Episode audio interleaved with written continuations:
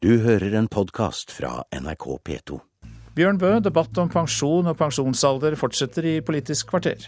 Ja, vi skal eh, kanskje spørre om eh, vi rett og slett skal øke pensjonsalderen, som er på 70 år. Og så har Obama tala, som du fortalte, også om klima.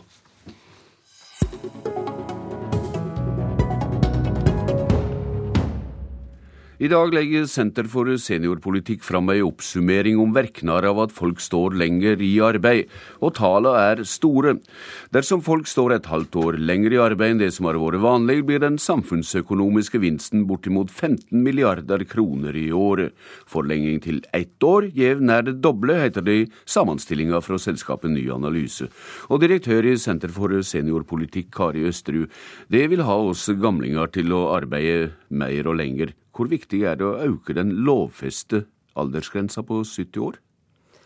Eh, jeg tror det å gjøre noe med aldersgrenser er ett av flere virkemidler som vi må se på. Eh, vi vet at eh, det at vi opererer med aldersgrenser i arbeidslivet, kan være med på å sementere oppfatninger om at når man når en viss alder, så går man ut på dato eller slutter å virke. Så sånn sett så kan en aldersgrense virke negativt. Men det er ikke sikkert at det er 70-årsgrensen som nødvendigvis er den viktigste. Det kan hende at det er også andre regler om aldersgrenser, f.eks. særaldersgrenser, som også kan være verdt å vurdere. Mm.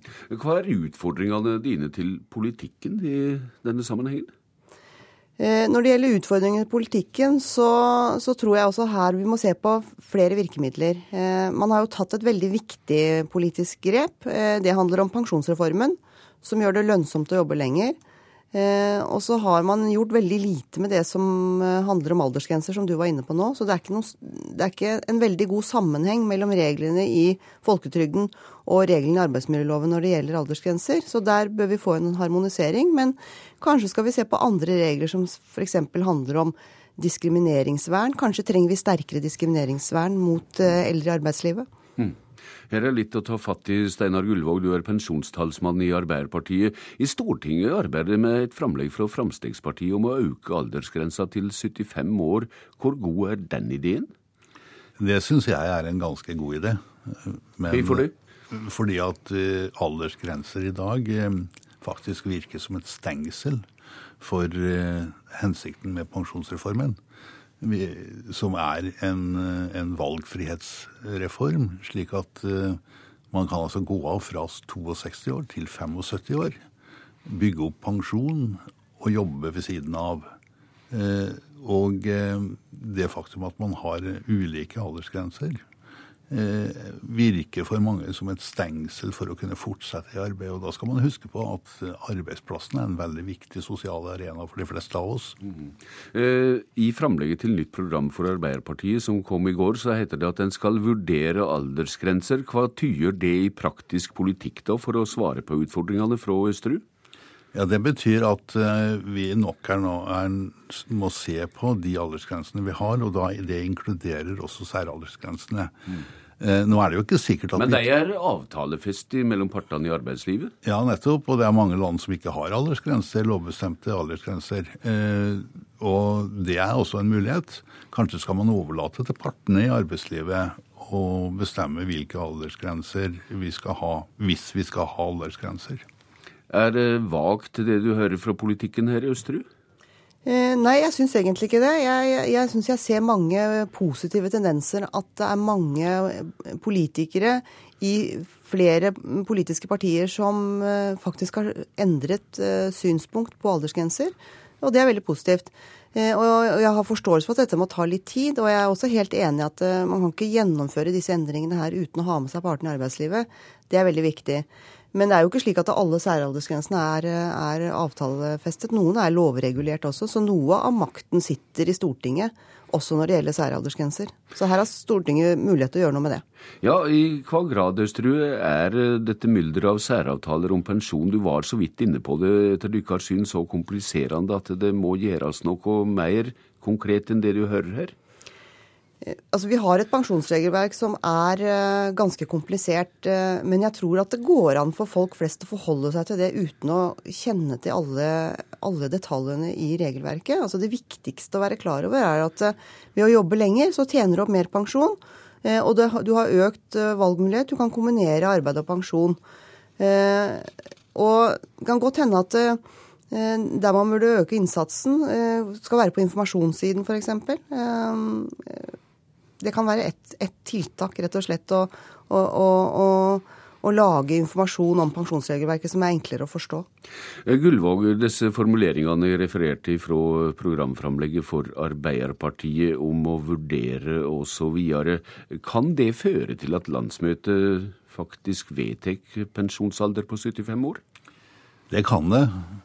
Eh, jeg tror at det viktigste nå er at vi åpner for en prosess hvor vi gjør noe med aldersgrensene. Eh, og jeg syns det er litt tidlig å trekke den endelige konklusjonen. Eh, for her er det mange muligheter. Eh, poenget er at alder egentlig ikke bør være noe kriterium for at man må forlate arbeidslivet. Her kan man tenke seg andre rettigheter som man tilfører arbeidstakerne, som ønsker å fortsette. Og det er heldigvis flere og flere som fortsetter. Ja, men Østerud, det er vel ikke mulig å la hver enskild avgjøre hvor lenge, lenge arbeidskjøperen har plikt til å ha deg i arbeid? Jo, det er mulig det. Det er faktisk en del land hvor man har den ordningen. Samme hvordan uh, tilstanden er for den enskilde? Det krever at vi må tenke nytt om hvordan eh, man skal avslutte et arbeidsforhold. Og det krever en annen dialog mellom leder og ansatte enn vi har i dag. Altså Nå er det veldig enkelt, for nå kan lederen bare følge med på kalenderen. Mm. Eh, og når du når en viss alder, så kan man si eh, takk for innsatsen og, og lykke til videre. Nå må man ha en annen dialog og en tydeligere tilbakemelding. Og så tror jeg at det frykten for at vi skal ha en haug med senile gamlinger som ikke forstår sitt eget beste i arbeidslivet, den tror jeg er sterkt overdrevet. Jeg tror at folk flest forstår når det er på tide å gi seg. Og da, eh, Steinar Gullvåg, så erkjenner du at det er et politisk overordna ansvar for at eh, pensjonssystemet vårt virkelig kan bli bedre bærekraftig, og at en får denne vinsten av merarbeid? Absolutt, men jeg tror det er helt nødvendig å ha med seg partene i arbeidslivet på denne prosessen. Mm. Hvor mye haster det med å liberalisere vilkårene for de arbeidsvillige etter ditt syn, nettopp under uh, det økonomiske synet her? Det haster mer og mer, fordi vi skal huske på at vår gjennomsnittlige levealder den øker med to måneder per år. Uh, og det nødvendiggjør også at vi at vi øker eh, alderen for de som eh, ønsker å fortsette i arbeidslivet nokså fort. Østerud, det skal ha et eh, seminar om dette, og der skal det også være politisk debatt om saka i dag. Hva slags initiativ vil det føre inn, i tillegg til at det altså i dag har ei sammenstilt analyse som en også finner spor av i dokumenter rundt pensjonsreformen? Vi håper jo at uh, vi først og fremst skal eh, få økt oppmerksomhet uh, på betydninga av at folk jobber lenger. Og så håper vi at vi kan bidra til mer kunnskap om, hva som virker og hva som ikke virker, for å få folk til å jobbe lenger, hos politikerne som skal ta viktige beslutninger. Og så håper vi at vi kan inspirere også politikerne til å ta de beslutningene som de bør ta i, i sakens anledning. Er du inspirert, Gullvåg? Absolutt. Jeg syns dette lover godt. Ja, Takk til dykk. Takk til eh, Kari Østerud, som altså er direktør ved Senter for seniorpolitikk, og til Steinar Gullvåg, pensjonstalsmann i Arbeiderpartiet. USAs president Barack Obama har tala til folket sitt i natt. Investeringer for økonomisk framgang og arbeidsplasser var ett hovedelement, men også varsel om kutt i klimagassutslipp. Miljøvernminister Bård Vegar Solhjell, i hva grad innebærer dette endring i USAs plass i internasjonal klimapolitikk? Det det kanskje mest endrer på, det er en mye tydeligere klimadagsorden i USA. Vi må være klar over at begrepet klimaendringer, climate change, har nesten har, ikke har vært brukt i den politiske debatten de siste årene. Obama begynte først å bruke det igjen etter at han var gjenvalgt. Gjorde det på innsettelsestalen nå igjen. Og det Han også ut, utfordra Kongressen i ganske tydelig tone. Han sier jeg ber dere samarbeide, men i neste setning hvis dere ikke gjør det, så kommer jeg til å bare gå videre uansett. Og det, Jeg vil si at det her setter en ny tone. Mye større trykk på at han vil gjennomføre ting i USA. Men Han sier ingenting om han vil være med på en internasjonal forpliktende avtale der USA binder seg sammen med andre land, og det er den store svakheten. Og Da er skrukken i panna di like dype som før. Nei, jeg er faktisk ganske optimistisk. Ja, takk for komplimentet for øvrig. For det er mange. Men, men jeg, jeg, er ganske optimistisk på, på han og USAs vegne etter den eh, talen her. Jeg, jeg, opplever at det er en dreining i USA nå. Det er talen. Den, den opinionen i USA som er mer opptatt av klimaendringer etter orkanen Sandy, f.eks. Det skjer andre ting. John Kerry, nye utenriksministeren, er opptatt av det.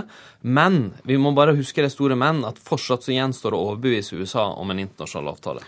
Ja, og eh, når det gjelder internt i USA, så snakker han altså om klimagassutslipp. Men samtidig så vil han leite etter mer olje og gass. Eh, så på overflata så kan vi kanskje se at dette er nær sagt den samme retorikken som blir drevet her i landet. Altså det, det, er jo helt riktig at uh, det er et sånt dobbeltbudskap. På den ene sida uh, uh, andre ting, f.eks. på olje- og gassektoren, som ikke er så miljøvennlig. Men likevel, hvis du ser på USAs utslippsutvikling, så går utslippene i USA ned nå, og prognosene framover er ganske offensive. Og han lanserte òg nye ting. altså vil kutte, gjøre ting på bilreguleringer som å redusere utslippene, og gjøre energisektoren mer miljøvennlig.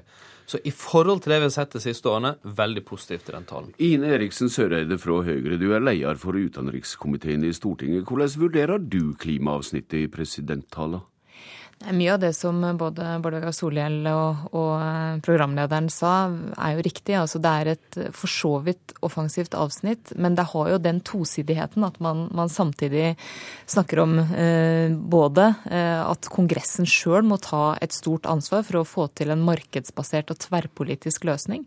Og det var han veldig tydelig på. Og det som jo kanskje er et kjennetegn ved denne talen her, sammenligna med en del eh, andre, eller de fem andre, fire andre State of the Unions han har holdt, er jo nettopp nettopp at han eh, i mindre grad enn tidligere legger seg flat for det å skulle få til en, en, tverrpolitisk løsning. Han spiller ballen i stor grad over til Kongressen. Eh, og så blir det jo spennende å se hvordan det slår ut til slutt. Men han hadde jo, som et apropos til det, eh, i, i innledninga til talen så brukte han begrepet at den, den, største nasjonen i verden, eller den beste nasjonen i verden, kan ikke fortsette å eh, utøve en politikk som først og fremst handler om å flyte mellom forskjellige selvpåførte kriser. Eh, og det er jo et ganske, et ganske tydelig signal eh, også til Kongressen.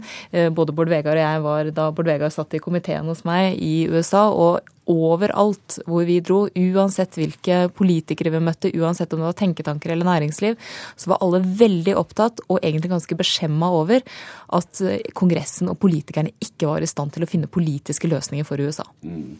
Den eh, største og beste nasjonen i verden som du refererte til her, eh, den har også andre ærend. Obama nytta som venta harde ord om Nord-Korea. Hvordan oppfatta du at han plasserte USA som verdenspoliti i denne omgangen? Det er jo ikke bare USA, men en hel verden som har fordømt prøvesprengninga som skjedde i går, den tredje i rekka. Han nevner også Iran eh, som et eh, stort problem. Men samtidig så er han jo veldig opptatt av at Iran fortsatt har en diplomatisk vei å følge, og at samtaler eh, absolutt er både aktuelt og ønskelig. Men det skulle jo for øvrig bare mangle at man ikke satt ned foten for det som er å oppleves som å være en stor trussel mot verdensfreden, ikke bare mot USA. Kan en slik presidenttale endre noe på tilhøvet mellom Norge og USA, etter ditt syn? Altså, talen var jo først og fremst en eh, tale til amerikanske velgere. Den sier jo heller ikke spesielt mye om utenrikspolitikk. Den sier noe, men ikke, ikke veldig mye. Eh, og vi har jo et eh, veldig godt og langvarig bilateralt forhold til USA, og vi har et veldig godt forhold til USA gjennom de alliansene vi er en del av, som bl.a. Nato. Og det er ingenting i den talen her som endrer på det, men det bekrefter på mange måter mange av de verdiene og det fellesskapet som er mellom Norge og USA. Vi som elsket Amerika, sa Jens Bjørneboe i fortidsteiken. Hva sier du om eh, det, den analysen Søreide kom med her? Det er mye fornuftig i det, men jeg syns særlig vi ser en mer ambisiøs og en, en, president som utfordrer Kongressen på viktige temaer her. Sterkere statlig styring av økonomien, legg større vekt på klimaendringene, våpenlov. Kanskje det sterkeste øyeblikket i talen var når han, når han så tydelig utfordra Kongressen på våpenlov. Og han sier til dem OK, så dere får stemme ned det her, i hvert fall alle de viktige forslagene her. og tok opp det direkte. Og det, Jeg tror mange mennesker i Norge vil kjenne seg tydeligere igjen i sånne budskap hos den amerikanske presidenten enn, enn det man ellers har. Så jeg, jeg tror jeg syns det var en positiv tone i det her, som gir håp om, eh, om at han i hvert fall på en del temaer vil ta lederskap eh, framover, som f.eks. klima. Søreide, kjenner du deg også at her i dette landet, som eh, da under den kalde krigen ble kalt den 51. staten i USA Ja, du kan si at det som, det som, jo er eh, et poeng i forhold til talen, og som er utfordringa her, er jo at han taler veldig mye og er veldig offensiv og følger opp innsettelsestalen sin. Utfordringa er imidlertid at han har vanskelig for å være konkret på hvordan han skal klare å gjennomføre politikken mot automatiske budsjettkutt, f.eks. Takk til dykk. Politisk kvarter er slutt. Jeg heter Bjørn Bø. Du har hørt en podkast fra NRK P2.